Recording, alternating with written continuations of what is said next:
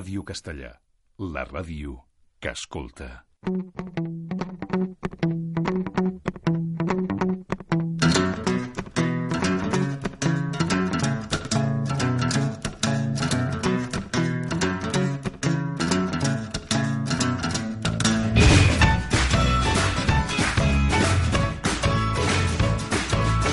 ...35 mil·límetres, amb Jonathan Maestre i Josep Prieto. Just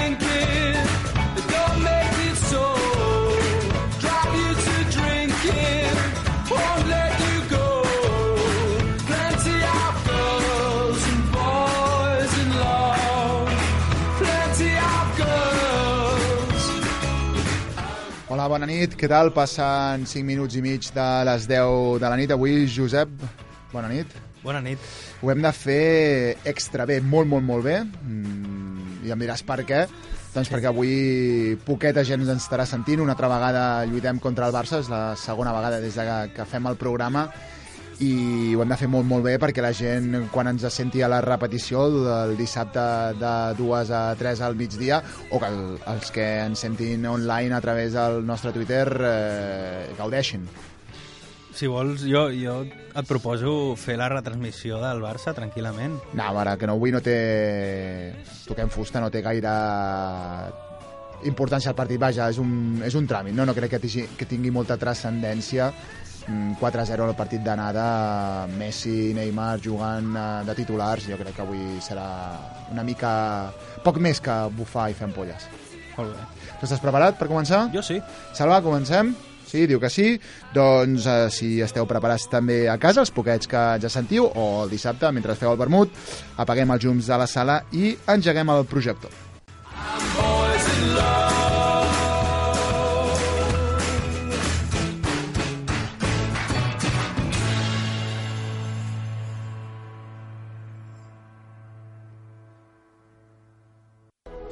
Bellas hijas y una bella mujer. Quiero que puedan caminar libres en su propia tierra. Somos la población de esta nación, pero no tenemos derechos. Hay veces en las que solo hay dos opciones. Rendirse Este es el último aviso.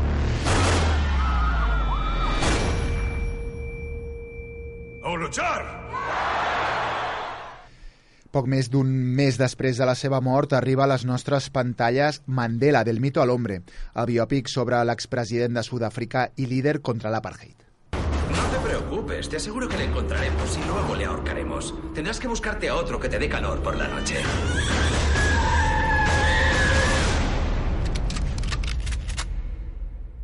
¿Me están buscando a mí?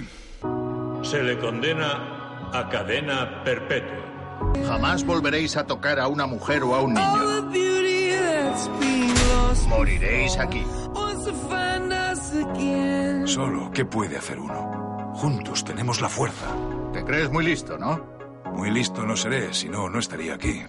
La pel·lícula, que en la seva versió original es titula Mandela, Long Walk to Freedom, en català es traduiria um, per una cosa així com Mandela, un llarg camí cap a la llibertat, repassa de forma cronològica la vida de l'advocat dissident i polític, des de la seva adolescència rural i de caire tribal fins a convertir-se en el primer president negre de Sud-àfrica, passant per la seva joventut com a lletrat a Johannesburg, l'etapa com a revolucionari armat, els 27 anys de presó, les negociacions amb el govern per acabar amb l'apartheid contra els negres i la seva via de perdó cap a l'home blanc.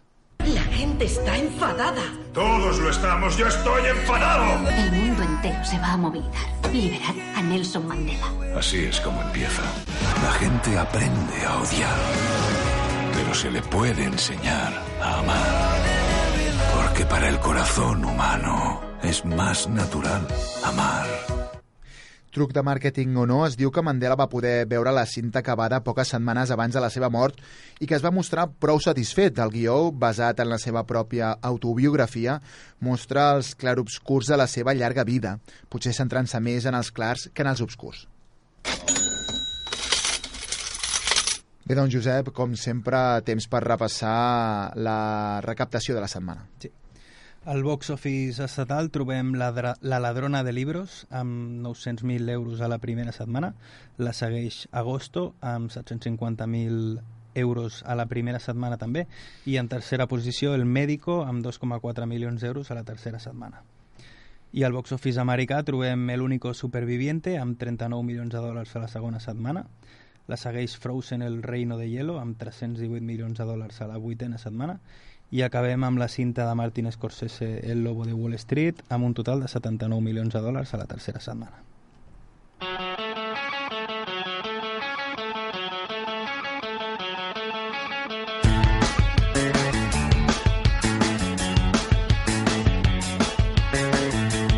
El cinema a Ràdio Castellà és en 35 mil·límetres, amb Jonathan Maestre i Josep Prieto. I don't Precisament ara la mencionava Josep, Leonardo DiCaprio torna a posar-se a les ordres de Martin Scorsese a El lobo de Wall Street. Me llamo Jordan Belfort. A la tierna edad de 22 años me dirigí hacia el único lugar que encajaba con mis nobles ambiciones. El juego consiste en pasar el dinero del bolsillo de tu cliente a tu bolsillo. Pero si puedes hacer que el cliente también gane dinero, todos salimos beneficiados, ¿correcto? No. Monté mi propia empresa en un taller de coches abandonado. Vuestro objetivo es el 1% de los americanos más ricos del país. Amo tres cosas, a mi país, a Jesucristo y enriquecer a las personas. Oiga, Pero tenía que moldearlos a mi imagen y semejanza. Con este guion, os enseñaré a todos a vencer, a los mejores. Me estaba convirtiendo en una leyenda. Ganaba tanto dinero que no sabía qué hacer con él. ¡26 mil dólares por una cena! Papá, ya no somos pobres. Eh, Cuéntale los postres que pediste. había una... ¿Qué postres? ¿Curaban el cáncer? Sí, curaban el cáncer, ese es el problema. Estava basada en la vida real de Jordan Belfort, qui va explicar la seva història en unes memòries que precisament es diuen eh, com la pel·lícula, El lobo de Wall Street. Ens parla de com es va convertir en un broker de borsa, vivint una vida daurada, i de com va caure encara més eh, fort, involucrat en afers criminals, corrupció i persecució del govern federal dels Estats Units. Disculpe. ¿Sí? ¿Ese coche es suyo? Sí, sí. ¿El Jaguar? Sí, sí, sí. ¿Cuánto dinero gana? No sé, 72.000 el mes pasado. Muéstreme un comprobante de los 72 mil dólares y dejaré mi empleo y trabajaré para usted. Oye, escucha, dimito. Sí, me paso a la bolsa. ¡22 millones en tres horas! La verdadera pregunta es, ¿todo esto era legal? Por supuesto que no. A més de DiCaprio, el càsting està format per Jonah Hill, eh, Matthew McConaughey, Rob Reiner, Margot, Margot Robbie, John Favreau i el francès Jean Dujardin. Ràdio Castellà, la ràdio que escolta. Aquesta setmana també s'estrena Todo el Santo Día, una comèdia romàntica italiana sobre una parella amb caràcters i horaris oposats i la seva odissea per quedar-se embarassats. He hablado con tu madre de ese asunto nuestro. Y ha dicho que me va a pedir hora para un ginecólogo buenísimo. Un lumbrera que trabaja con el Papa. ¿El ginecólogo del Papa? Tiene que ser realmente bueno. De Mèxic arriba Memòria de mis putas tristes, un drama basat en la novel·la homònima del Premi Nobel colombià Gabriel García Márquez de 2004. Explica la història d'un home vell i de com s'enamora d'un adolescent. Hoy es el día. Mañana cumplo 90 años. Y quiero regalarme una noche de amor loco con un adolescente virgen. Los viejos saben amar mejor, mi delgadina, porque no tienen otra cosa que hacer. Los jóvenes, en cambio, piensan en la vida que comienza, en el trabajo, en el éxito y el dinero. Para los viejos, nada de eso importa ya. A més a més, en l'àmbit de ficció, aquesta setmana també s'estrena la noruega Oslo 31 d'agosto. I en l'apartat documental, eh, l'actor i director Aitor Merino parla amb un amic d'infantesa que acaba integrant-se a la banda terrorista ETA. Parlem d'Asier Eta Biok, Asier i jo. Este es Asier en la época en que lo conocí. Este soy yo. Estos somos Asier y yo ahora. Pero no siempre hemos podido estar juntos. Ocurrió el 3 de marzo de 2002. Esta vez no era una cara desconocida en las noticias. Esta vez era mi amigo. El arresto se produjo sobre las 9 menos cuarto de la noche de ayer. Los detenidos son... ¿Cómo hacerles entender qué pudo llevarle a tomar una decisión que a mí mismo me costaba asimilar? Yo no veo a mi país libre con una gota de sangre. Es que es que me pone enferma. Si hay algo grave, es quitarle la vida a otra persona. Ahora, ¿quién le puede llevar a una persona a quitarle la vida a la otra? Eso es a lo que hay que entrar. Tanmateix, el documental Sigo Siendo realitza un recorregut musical pel Perú. Sin música, no, yo no creo que nadie pueda vivir sin música. Tú puedes vivir sin música. Soy limeño, lo dice mi DNI, y he tratado de jugar limpio en la vida. Eso es la vida. El bailar, el darle más vida a la vida. Eso es la vida. Cada vibración de música me hace vivir. Pone en vibración las fibras sensibles que tengo dentro. Els tràilers de totes les estrenes de la setmana els podeu veure a través del nostre compte de Twitter. Estan penjats des d'aquesta tarda. El recordem és arroba 35mm, tot amb lletres. I abans d'anar a les notícies, una mica de música. La intuïem eh, mentre tiràvem els talls de Mandela. Eh, és Ordinary Love dels U2.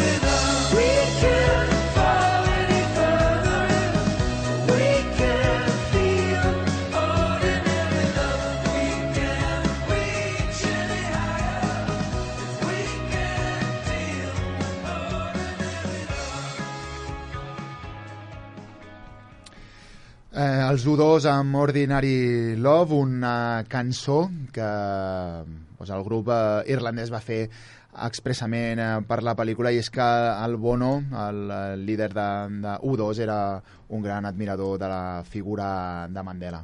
Prou bé, no, la, la cançó? Sí, la veritat és que sona molt a U2 a, dels 80, més que els, els més nous, no? Sí, suposo que és com... Ara, ara m'enganxes. He vist la pel·lícula i, i no recordo si realment els U2 o no van participar en el concert de llibre a Nelson Mandela, que es va fer als anys 80, eh, però jo crec que remet no? en aquesta, Mhm. aquest passat de, de, tant de la banda com, de, sí. com del personatge. Mm, De fet, la cançó, si parem atenció a la, a la lletra, eh, parla de la figura de Mandela, no, no directament, però Mhm. sí, i, si més no aquest ordinary love, no? aquest eh, eh, amor eh, ordinari, normal, que en cap moment... Tot el contrari, diu que no és un amor normal, normal i corrent, vaja, és el que voldria dir la traducció, Sí. fa referència al, al perdó, no? Al perdó de Mandela que al final de la seva, del seu captiveri no? I, i el seu pas cap a president de la República de Sud-àfrica va, va optar per perdonar l'home blanc eh, per arribar a una pau Mm. i no venjar-se sobre les persones no? que el van tenir captiu i impressionat eh, durant 27 anys de la, de la seva vida. Bueno, Josep, menys divagar sobre música i més repassar l'actualitat del món del cinema. Bé, doncs ja ha començat la campanya dimecres al cine. A partir d'ara fins a, a mitjans d'abril, les entrades de Cinesa, Lauren, Yelmo, Balanyà, Ocine i cadena Circuit Urgellenc, que bueno, són poc coneguts aquí a Barcelona, eh, estaran a menys de, de 5 euros. És una iniciativa que vol recuperar el Dia de l'Espectador, degut a l'èxit de les campanyes passades de la Setmana del Cinema. L'Acadèmia de Hollywood ha fet públiques les nominacions als Oscars d'aquest any. A continuació anomenem els principals premis i nominacions. Les grans favorites són La gran estafa americana i Gravity, que tenen 10 nominacions, i 12 anys d'esclavitud amb 9. Si vols, comencem amb la millor pel·lícula, Mhm. que estan nominades La gran estafa americana, Capitán Phillips, Dallas Buyers Club, eh, Gravity, Hair, Nebraska, Filomena, 12 años de esclavitud i El lobo de Wall Street. Mhm. Uh, tu què dius? Quiniela? Home, és complicat perquè algunes de les pel·lícules encara no s'han estrenat aquí i i no, no les he pogut veure. Per exemple, La gran estafa americana pinta molt, molt bé, però encara no hem tingut l'ocasió de, de veure-la. Sí. No et sabria dir. A mi Gravity mm, em va agradar bastant i sobretot eh, més després de sentir els comentaris No, que però- ens va fer el Rodrigo Cortés aquí quan el vam entrevistar.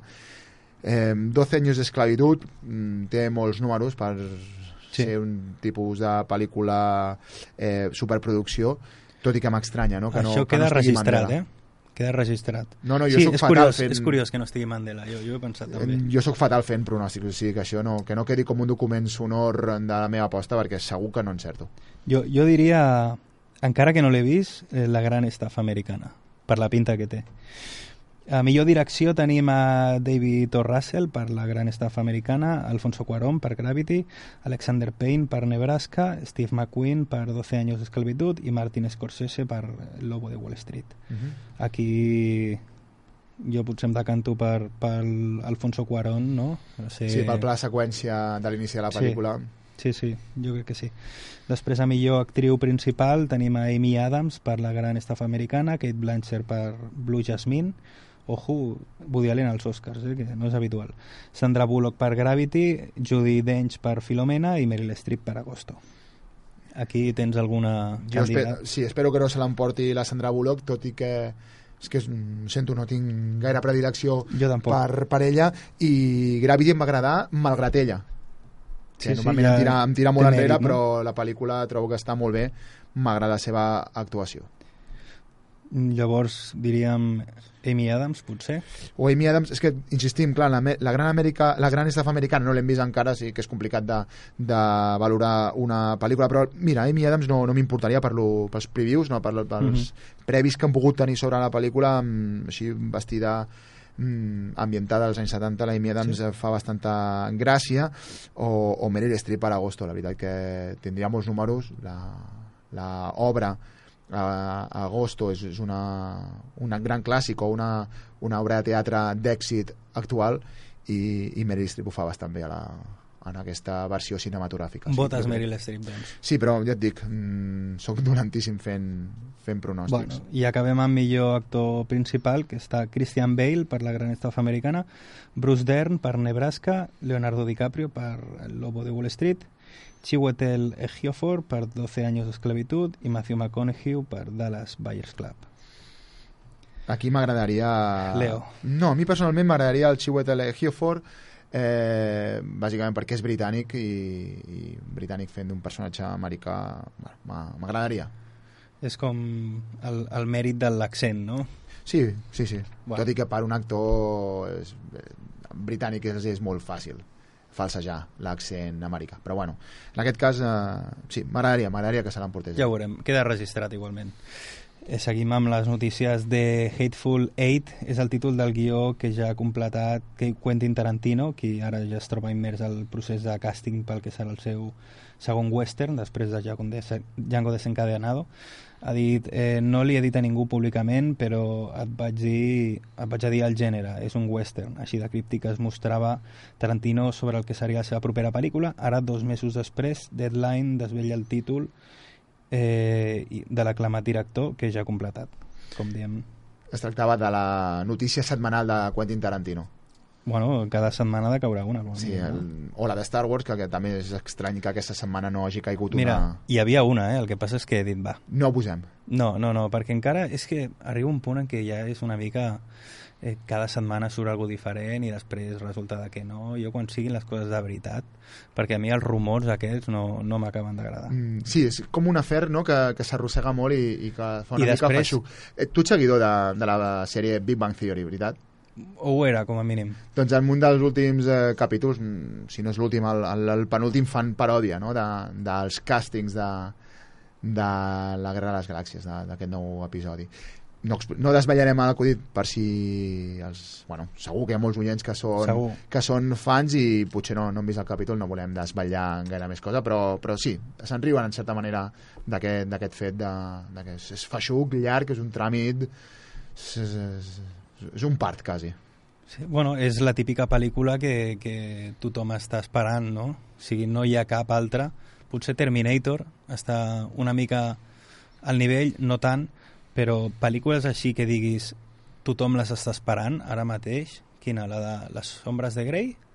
Bueno, sí, sí que és una pel·lícula Sí, que en no- parla no ho molt i- entenc per què, i la però- gent l'anirà a veure per, tal, per tant que s'ha parlat, no? De, ara és aquest actor, ara no, ara, és aquesta actriu, ara no... Que, que etcètera, vagin a etcètera. veure Ninfomaniac, que trobaran el mateix i potser els hi agrada més el que veuen. Bueno, Infomaniac volum 1, que està en els cinemes, i Infomaniac volum 2, que parlarem la setmana que ve, que és quan arriba aquí a a casa nostra. Que estrany, no?, això de fer dos volums. Aquest home... Bueno, de, ja, ja parlarem la setmana que ve Sí, de, de ho deixem sí, en ja en parlarem. Eh, L'actor nord-americà Alec Baldwin s'ha sumat al repartiment de Torrente 5, l'últim lliurament de la saga del cineasta espanyol Santiago Segura, segons informen diversos mitjans de comunicació. Baldwin s'hauria incorporat a l'equip de rodatge per donar vida al dolent de la cinta. Només se'l veuria en algunes escenes, ja que la seva ha estat, un, ha estat descrita com a col·laboració especial. L'actor substituiria a Mel Gibson, que era l'opció principal de Segura, però finalment no va arribar a bon terme.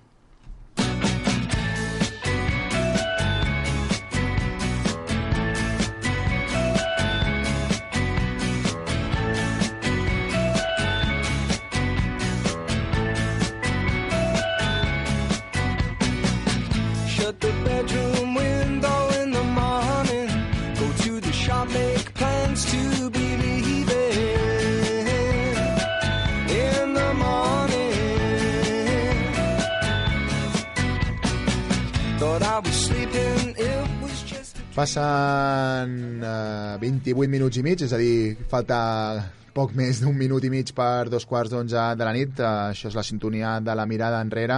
Avui, Josep, de quina pel·lícula ens parles? Toc, toc. Què? Toc, toc, toc. Què vols? Què és això, com l'acudit de tu dius toc toc i jo dic qui és?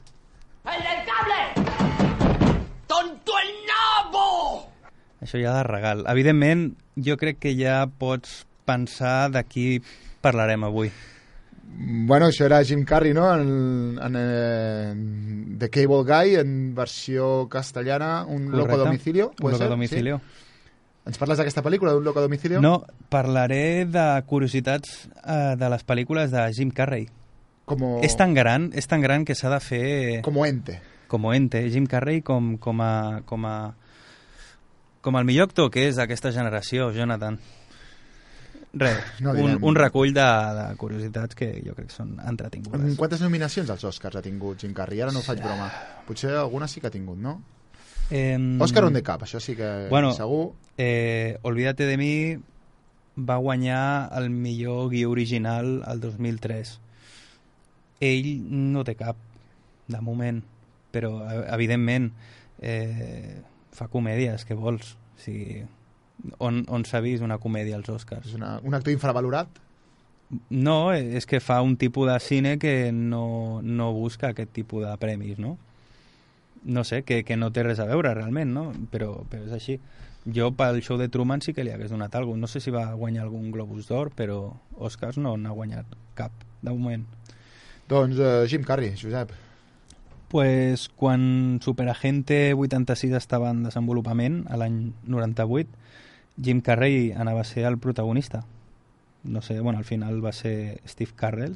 Steve Carrell, eh, Jim Carrey, eh?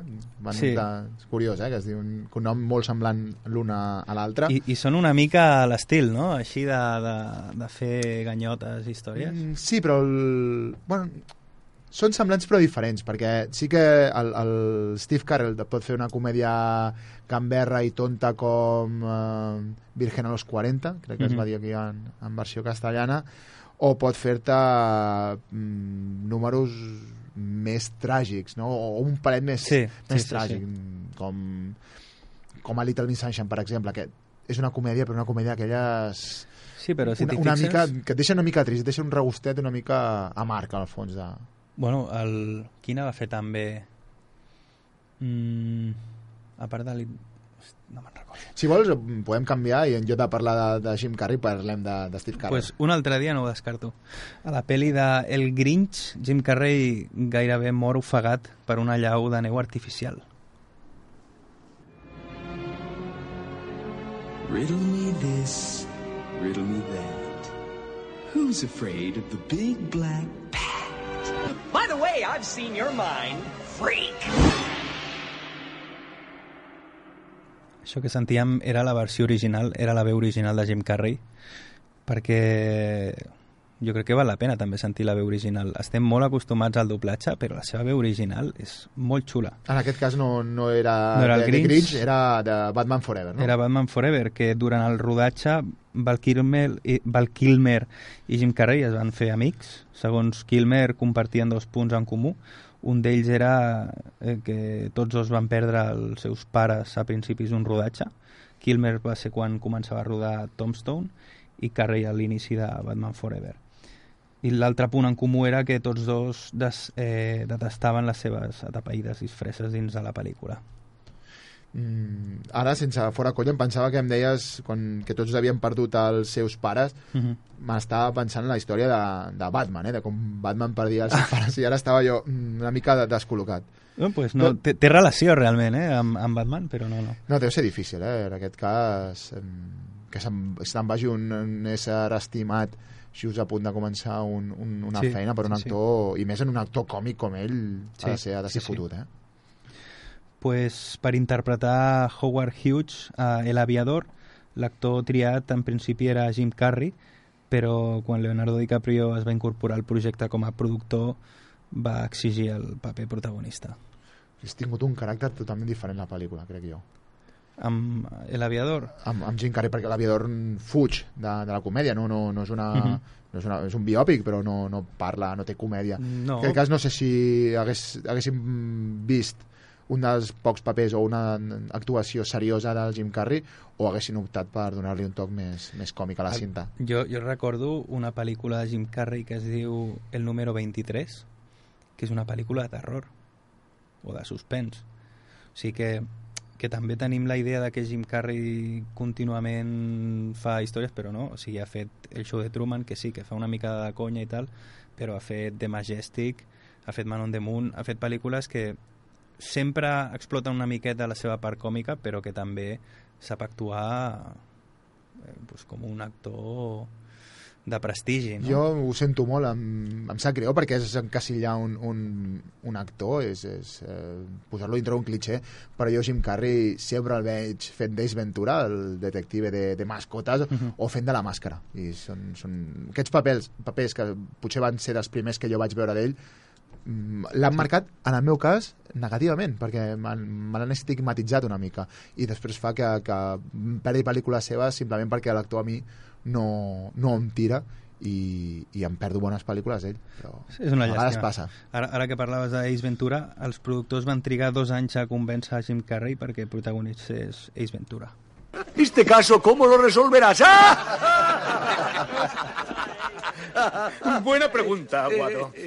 Primero hay que buscar el móvil. En este caso, el asesino vio el tamaño de la polla del bicho y enloqueció de envidia. Porque él no puede adelgazar 12 kilos a polvos con su mujer. Pero... Venga, ahora, daos un beso de paz. Jim Carrey va acceptar fer la pel·li només si li deixaven reescriure el guió.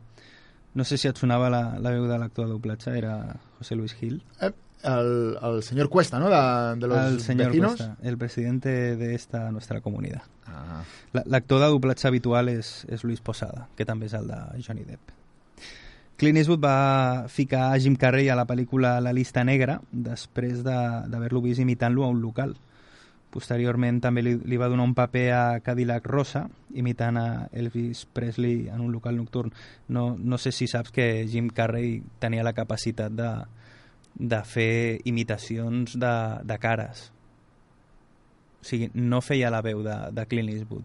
sinó pos, posa la cara Posa la cara i de veritat que s'assembla. O sigui, hi ha vídeos al YouTube, podeu posar Jim però, Carrey... però Clint com ho Eastwood. fa això? Amb, amb, amb les mans i No, es no, no, toca? no, no. O, Fa- o, o posa plastelina, algun, No, algun no, tipus no, de no, no. maquillatge Res, o sigui, posa la cara. O sigui, té, té uns músculs facials molt flexibles però de veritat, impressionant. I de fet s'hi dedicava i feia locals amb, fent aquesta, aquest tipus de de- d'espectacles i era, és molt interessant de veure, està al, al YouTube Fabuloso.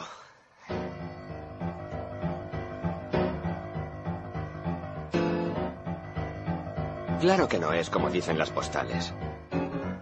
No hay glamour donde quiera que mires. Yo debería saberlo. Vivo aquí. Es mi ciudad.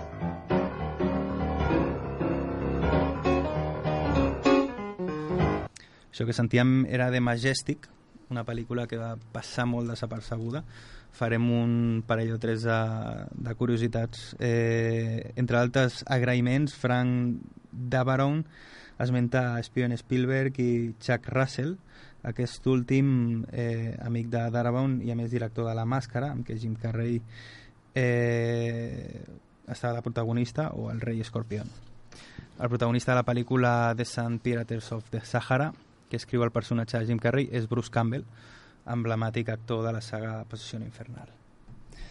Al principi, quan Jim Carrey surt d'un bar, una mica begut, es pot veure que el bar es diu Coco Bongo, que és el mateix nom que tenia el club que sortia a la màscara també de Jim Carrey. A tu t'agrada la màscara, no? Em sembla?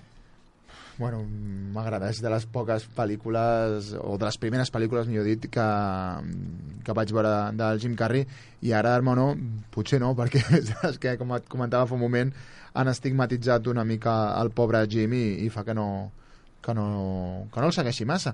De fet, això que comentes és bastant habitual, eh? que en unes pel·lis facin homenatge a d'altres i sobretot si, si és el director o el productor de, de, la, de les dues, doncs, doncs està bé. Són, Sí. són detallets que, que està, està molt bé, està xulo fixar-se, no? En, en... Sí, S'ha de tenir un ull clínic, eh, però s'ha de tenir un ull mm, clínic. Jo he de confessar que em fico tant en el argument de la pel·lícula que a mi, a mi em passen desapercebudes aquestes subtileses eh, sempre sempre, m'agrada llegir o, o veure programes o, o sentir-te tu, per exemple en, en curiositats de, de pel·lícules perquè jo me les menjo totes, no, no me n'entero de res O sigui, és, és com quan ets músic i, i escoltes una cançó i ja estàs més pendent de de la, del virtuos, virtuosisme de, del guitarrista més que d'entrar dintre de la cançó no? i sentir-la com... O sigui, tu, tu saps eh, veure la, la peli des de fora i, i, i entrar a la trama, no? Més que a la tècnica. Intento obviar la tècnica. A mi em passa que, que estic molt pensant en, en la tècnica, a veure si es veu el micro aquí, a veure el reflexe de les ulleres de la tia, a veure si es veu la càmera o el micro. jo... Això podria ser un defecte professional, bueno, en el cas dels dos, òbviament. Sí. Jo intento evitar-ho. I, I canviar molt, eh? Quan miro una pel·lícula analitzant-la que, que Sí. gaudint-la. Sí, sí, sí. Pues parlem ara del show de Truman. Després de rodar la peli, Jim Carrey va estar en mans de psicòlegs, ja que realment es va ficar tant en el paper que creia que la seva vida era una farsa, la qual cosa li va portar fins i tot a separar-se de la seva dona. Això és un, un, una dada una mica estranya. Eh?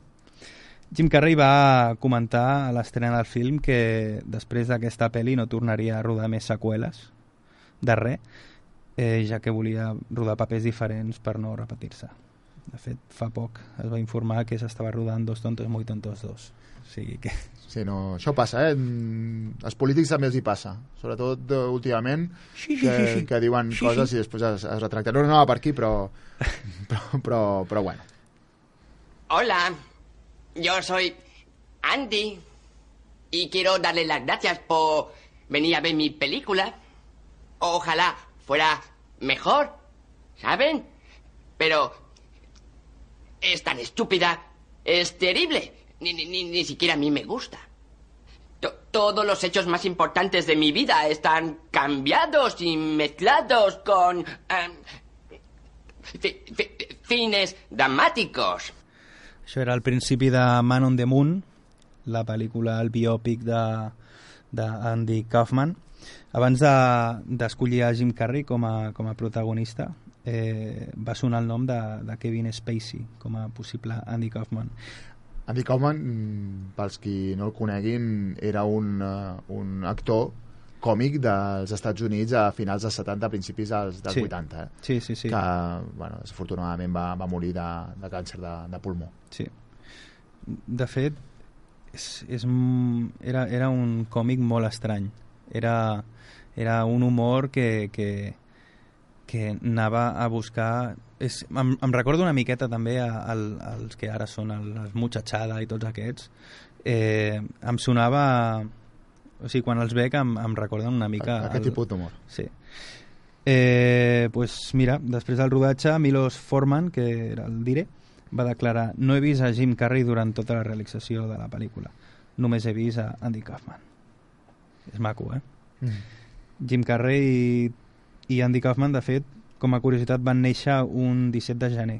D'anys diferents, però el mateix dia. D'anys diferents, evidentment. De fet, demà seria el seu aniversari de l'Andy Kaufman, si encara visqués, i de. Jim Carrey, demà és el seu aniversari, o sigui, Jim, happy birthday, des de És veritat. 35 mil·límetres.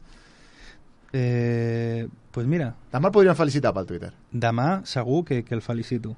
I, i, I seria impressionant que em contestés. O sigui, que et contestés Jim Carrey. Jo quan em va contestar Constantino Romero pel Twitter vaig flipar.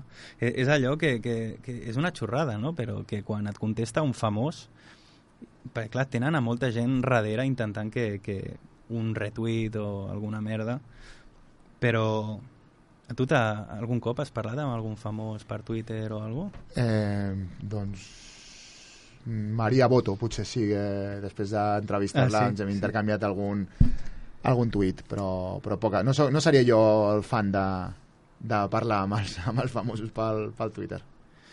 No, jo, jo la veritat és que és que, bueno, de vegades intento interac interactuar amb ells i algun cop he parlat amb Alberto que algun dia estaria molt bé fer una entrevista a Alberto, eh?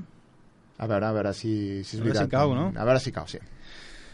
Pues eh, per les escenes en les quals Andy Kaufman surt amb el cabell totalment rapat, víctima de la leucèmia, Joaquim Columbian, el director de l'equip de maquillatge, va assegurar que va ser el propi Jim Carrey qui li va suggerir que, que per l'escena seria necessari que li afeitessin realment el cap doncs això sí que seria ficar-se totalment en el paper. Si et sembla, per tancar aquesta secció, parlem, parlant de, de Jim Carrey i d'aquesta Man on the Moon, anem a sentir la seva banda original, una cançó del 1992 eh, d'en Rem, que es diu Man on the Moon, que mm -hmm. parla d'Andy Kaufman, i precisament eh, per això eh, la pel·lícula van triar li van posar la, la, el nom de la cançó a la pel·lícula i la van triar com a banda sonora Thank you.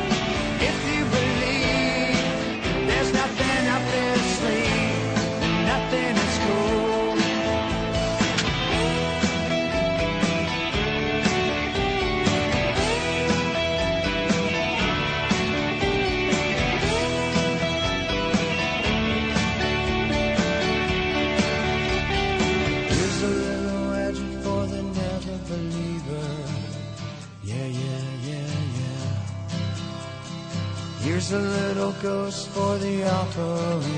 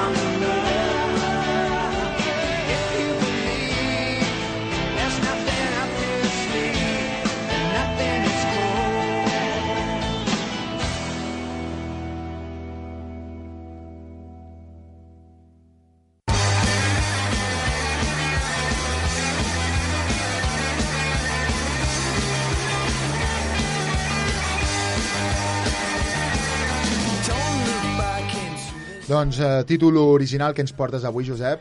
Porto The Naked Gun. És una famosa pel·lícula dels 80 de l'actor canadenc famosíssim Leslie Nielsen, més conegut com el del pelo blanco. Això sempre m'ha fet gràcia. És com quan diu, sale el actor este negro que es muy bueno. Morgan Freeman? No, no, el otro. Ah, Denzel Washington. Correcto!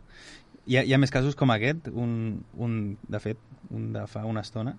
Sale el tío ese que pone caras, evidentment és Jim Carrey. Després hi ha actors que un atribut físic els condemna per la resta dels seus dies. Sale el tío ese de la cicatriz de la cara. Riverí? No, hombre. Joaquin Phoenix. Pues com deien, la peli aquí és famosa com Agárralo como puedas. Només perquè surt Leslie Nielsen ja, ja se sap que, que totes les pel·lis d'aquest home a Espanya tenien que portar la coletilla como puedas. Así que la combinación es 1, 2, 3, 4, 5. Es la combinación más estúpida que he visto en mi vida. Es la que un idiota pondría en sus maletas.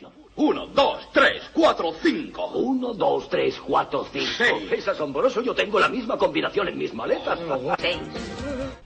Això és Spaceballs, en si és una paròdia de Star Wars, però també parodien altres pel·lis com Star Trek, Alien, El planeta de los simios, El mago de Oz, El puente sobre el, dio, el río Kwai o Acorralado. A Llatinoamèrica es va anomenar Hay un loco suelto en el espacio. Clar, és que no, no queda molt lleig posar-li Pelotas en el espacio. Així que aquí la van anomenar La loca història de les galàxies. No li podíem treure més suc. Així que he optat per posar el fragment xulo i comentar-lo una miqueta.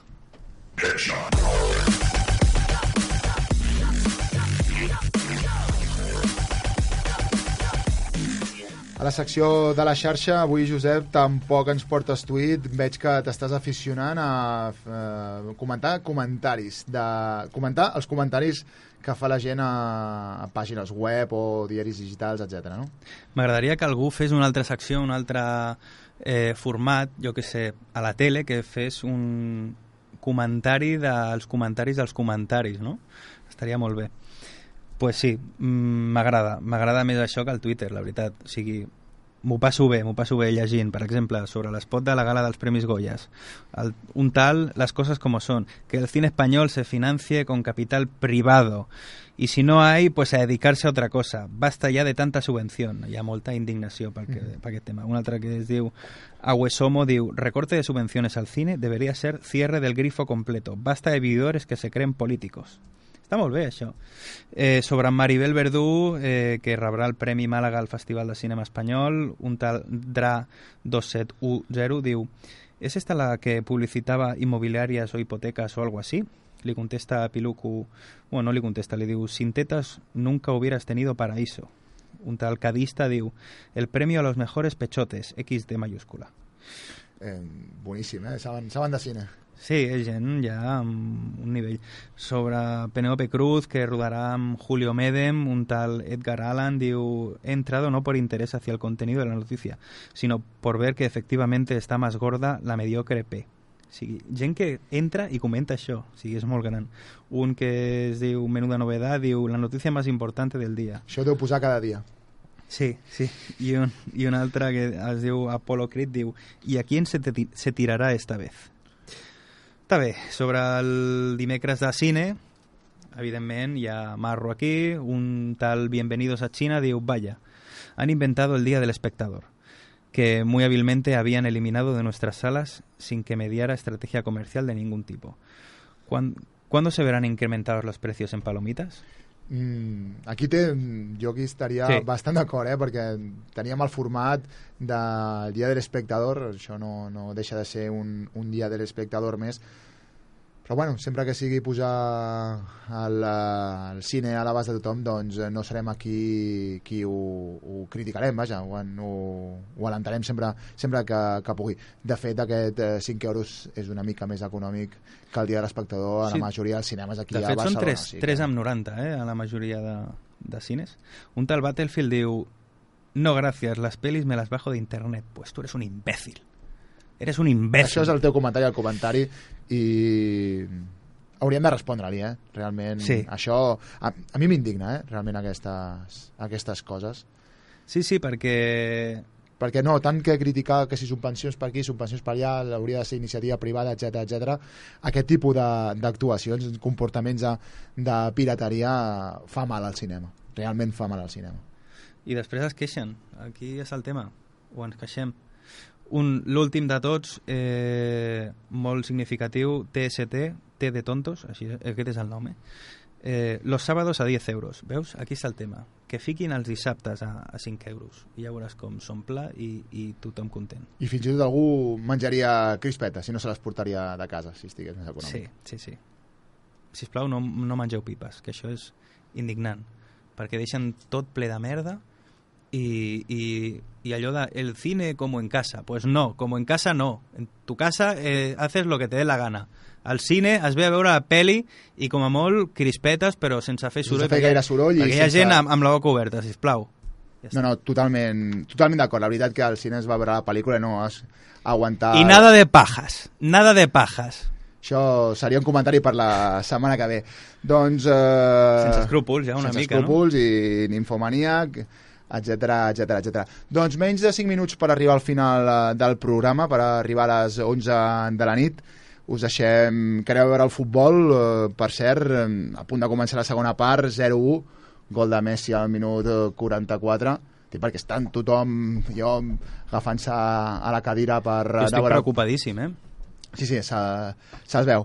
Doncs, Josep, moltíssimes gràcies. Fins la Gràcies. setmana que ve. Gràcies a tu també, Salva Soler, que toques els botons i fas que això soni perfectament.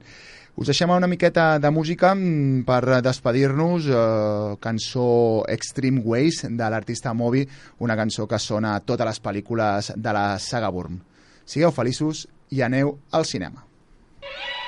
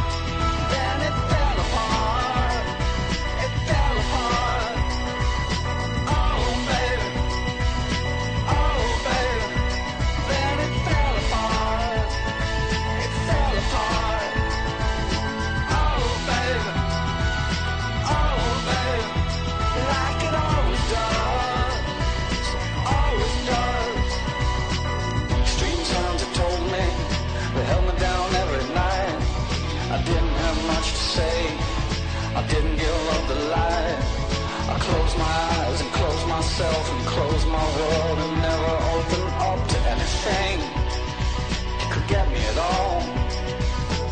I had to close down everything. I had to close down my mind. Too many things caught me. Too much could make me blind. I've seen so much in so many places, so many heartaches, so many faces, so many dirty things you couldn't even believe. I would stand in line for this. Always good in life for this.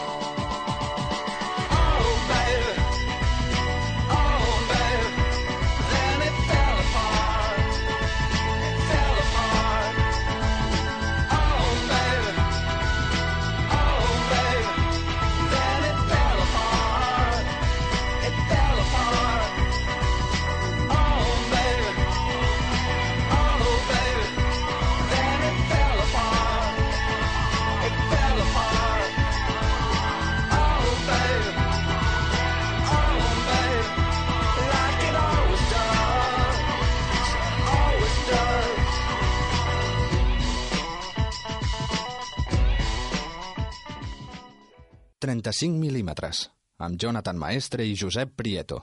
Por si no nos vemos luego. Buenos días, buenas tardes y buenas noches.